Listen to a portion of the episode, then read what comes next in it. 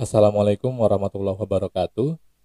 Pada tahun 2017, nama Cianjur muncul di Wall Street Journal, tetapi kemunculan Cianjur di uh, media internasional ini bukan untuk mengapresiasi keberhasilan Cianjur jika memang ada, tetapi untuk mengkritisi salah satu kebijakan ex Bupati Cianjur yang kemudian di OTT KPK, yaitu kebijakan sholat berjamaah terutama bagi PNS. Jadi PNS akan diharuskan untuk sholat berjamaah di masjid yang ditetapkan oleh Pak Bupati, kemudian akan diabsen.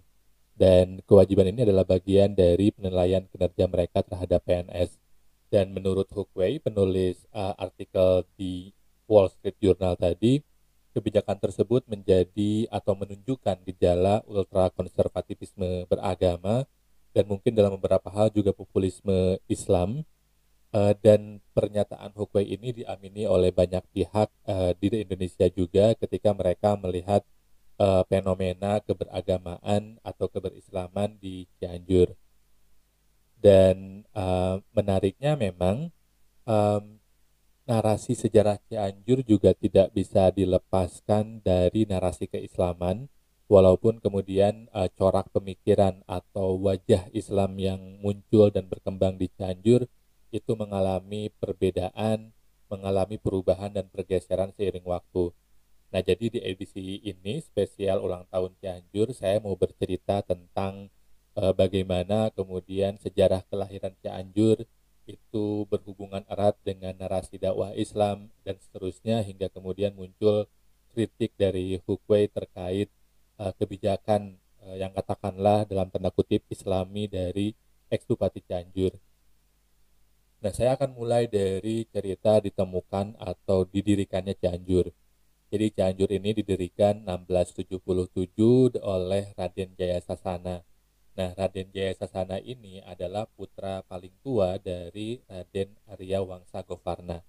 Raden Arya Wangsa Govarna ini adalah uh, keturunan dari kerajaan Talaga yang berlokasi di kaki Gunung Ciremai dekat dengan Cirebon. Nah, kerajaan Talaga ini coraknya adalah kerajaan Hindu, tapi kemudian Raden Arya Wangsa Govarna masuk Islam, belajar Islam dari Sunan Gunung Jati dan kemudian ketika keluarga kerajaan tidak menerima uh, kepindahan agama dari Raden Arya Wangsa Uh, Raden Arya Wangsa Govarna kemudian pindah ke Sagara Herang dan mendirikan pesantren. Nah, Raden Jaya Sasana juga termasuk belajar kepada Sunan Gunung Jati. Nah, kemudian beliau uh, hijrah katakanlah seperti itu dari Sagara Herang hingga tiba di Cibalagung. Pada saat itu wilayah Cianjur masih merupakan wilayah hutan dan salah satu bagian dari hutan itu memiliki badak e, berwarna putih. Maka kemudian di wilayah itu hari ini disebut e, badak putih. Karena di situ Raden Jaya Sasana dan para orang-orang yang ikut kepada beliau menemukan atau melihat badak putih. Nah, Raden Jaya Sasana dengan demikian juga sepertinya e, memiliki misi islamisasi juga dengan kedatangan beliau ke Cianjur atau dalam artian e, memiliki misi menyebarkan dakwah e, Islam. Tapi pertanyaannya adalah bahwa e, dakwah Islam yang seperti apa yang dibawa oleh Raden Jaya Sasana. Kalau kita melihat uh, konteks hubungan antara uh, Raden Jaya Sasana dengan Sun, Sunan Gunung Jati, maka kita akan melihat bahwa Islam yang dibawa oleh Raden Jaya Sasana ke Cianjur dan diajarkan setidaknya kepada orang-orang yang ikut kepada beliau itu adalah corak keislaman yang sangat erat kaitannya dengan tasawuf, dengan sufisme atau dengan mistisisme Islam. Bahkan dalam salah satu folklore yang beredar, yang berkembang, Raden Jarsana ini pernah melakukan riadoh atau meditasi, katakanlah seperti itu, di gunung selama 40 hari. Uh, dan dalam proses riadohnya ini, beliau ketemu dengan putri Jin uh, Nyi Arum Enda, dan menikahlah mereka. Nah, Nyi Arum Enda ini sendiri adalah putri dari Syekh Jubaidi bin Satoto, menurut folklore yang beredar. Nah, Syekh Jubaidi bin Satoto ini adalah penguasa Gunung Gede sekaligus khodamnya Nabi Khidir.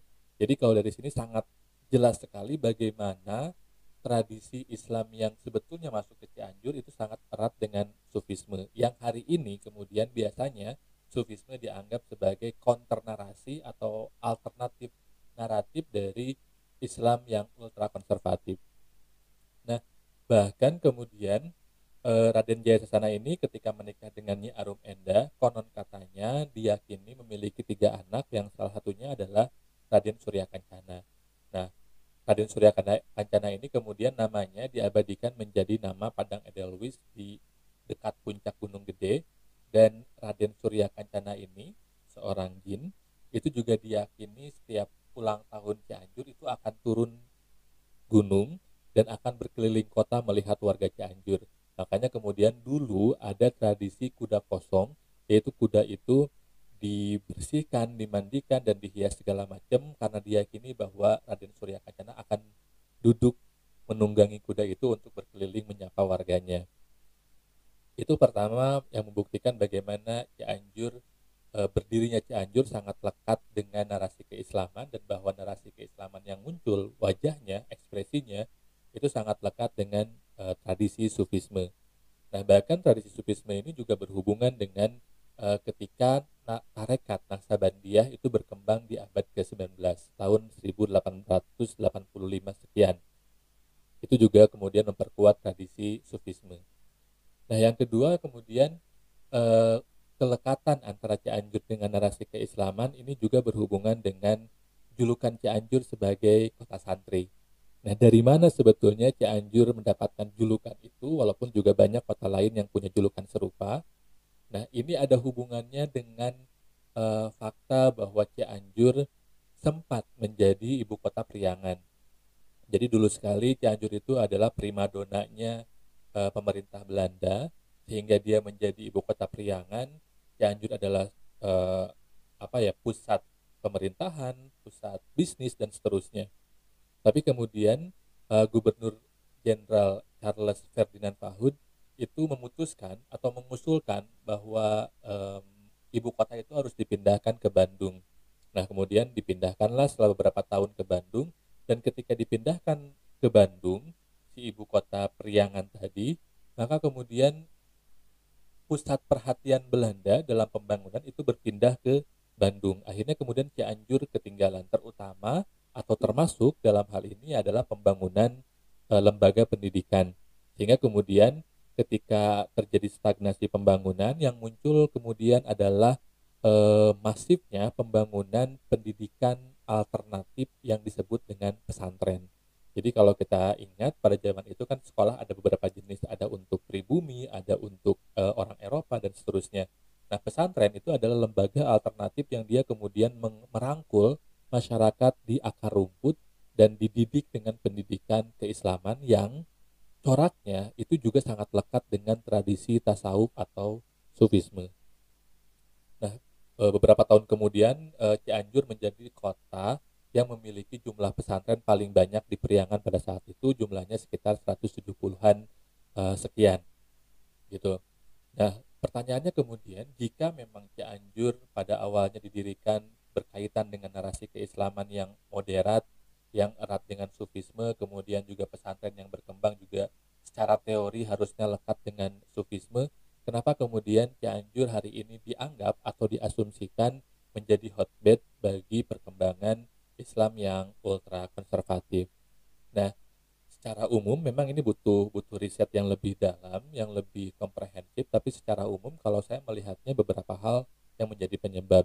Pertama memang pengaruh dari masuknya uh, corak pemikiran yang tekstualis uh, terutama Salafi Wahabi di 1980-an ke seluruh Indonesia dan termasuk ke Cianjur yang kemudian itu menjadi narasi alternatif bagi narasi keislaman yang berkembang uh, di Indonesia termasuk di Cianjur. Nah, kemudian narasi itu menguat ketika Orde Baru turun dan ini juga gejalanya nasional sehingga pada pada saat itu kemudian tradisi kuda kosong yang awalnya dianggap sebagai bagian dari kultur yang itu erat kaitannya dengan mistisisme Islam itu kemudian dihapuskan dan di, karena dianggap e, berhubungan dengan syirik atau menyebabkan kemusyrikan.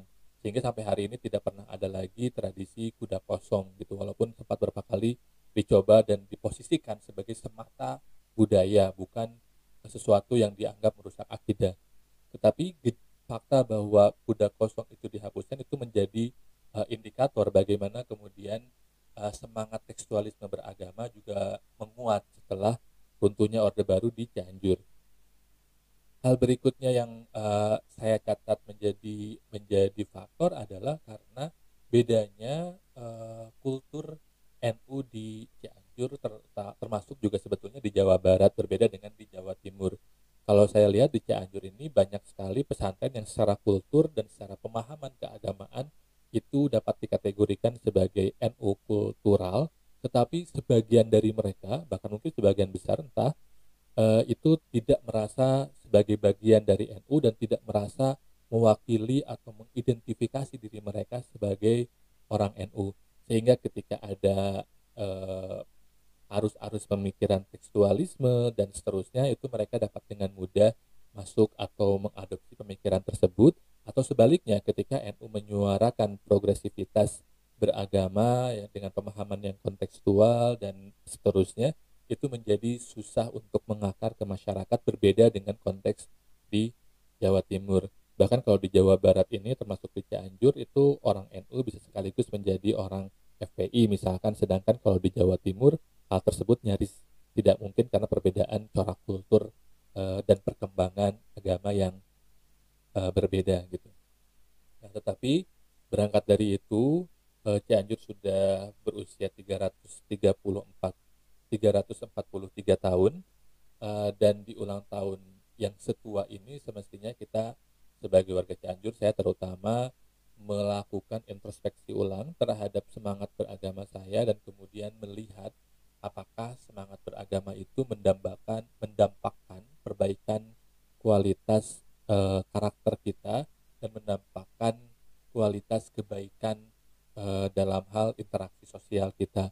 Kalau misalkan Eh, jargon-jargon uh, bertema agama ini tidak secara langsung maupun tidak langsung mengangkat well-being masyarakat, mengangkat uh, tingkat kebahagiaan masyarakat, maka jangan-jangan kita terjebak dalam formalisme beragama atau kata kalau kata Canun uh, semangat beragama yang cenderung kulitnya saja sehingga kita tidak mampu masuk ke dalam substansi dari Islam Eh, dan bahkan juga tidak mampu untuk mencapai objektif atau tujuan dari dari Islam uh, itu sendiri yaitu kemaslahatan bagi bagi umat. Itu saja dari saya. Terima kasih. Wassalamualaikum warahmatullahi wabarakatuh.